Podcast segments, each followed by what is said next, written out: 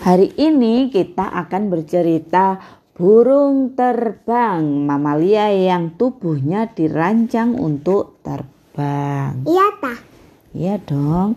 Burung terbang yang paling berbahaya adalah burung Pitohui dicurus. Bulunya mengandung racun batrachotosin.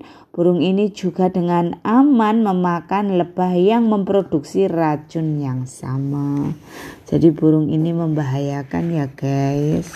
Hmm. Nah, burung pelatuk memiliki lidah yang istimewa. Lidahnya tiga kali lebih panjang daripada paruhnya. Pelatuk jambul. Pelatuk jambul adalah burung pelatuk terbesar. Berat pelatuk jambul dewasa sekitar 250 sampai 300 gram. Dengan panjang 48 cm. Tubuh hewan ini berwarna hitam dengan sedikit kepala yang ada di jambulnya. Dan eh dengan sedikit merah di jambulnya yang garis-garis putih di sisi wajah dan lehernya. Burung pelatuk memiliki kepala yang kuat karena hewan ini mematuk pohon dengan paruhnya. Ya memang. Bagaimana Aku kehidupannya di alam liar? Nah, burung pelatuk jambul ini pergi ke pinggiran kota untuk mencari pohon buah yang kaya akan serangga. Biasanya pelatuk jambul menggali sarangnya yang besar di rongga pohon yang sudah mati. Habitat burung pelatuk jambul berasal dari selatan Kanada yang juga bagian timur dari Laut Amerika Serikat. Ada juga di sana burung merak.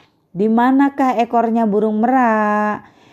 Ekor burung merak sesungguhnya kecil dan sembunyi di balik bulu besarnya. Warnanya yang terkenal itu, bulu itu berfungsi untuk memikat merak betina dan menakut-nakuti musuh. Jadi burung merak ini yang yang besar, yang cantik itu itu bukan ekornya ya, itu adalah bulunya. Jadi ekornya itu sebenarnya kecil, dia sembunyi di belakang eh, bulu yang indah itu. Iya. Ada burung jenjang. Nah, burung jenjang siapa yang melihat dinosaurus? Kerabat burung jenjang merupakan salah satu hewan yang tertua di bumi.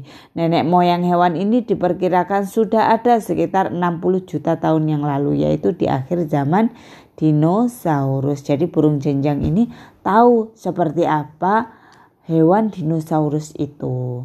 Selanjutnya bustaro. Mengapa burung bustard jalannya pincang? Untuk melindungi anak-anaknya dari bahaya burung bustard pura-pura pincang, predator akan berpikir bahwa hewan ini lemah dan mengikutinya, membuatnya menjauh dari sarang burung mustard. Jadi untuk melindungi anak-anaknya dia pura-pura pincang karena mangsa itu mangsanya nggak mau makan hewan yang cacat gitu jadi dia pura-pura pincang.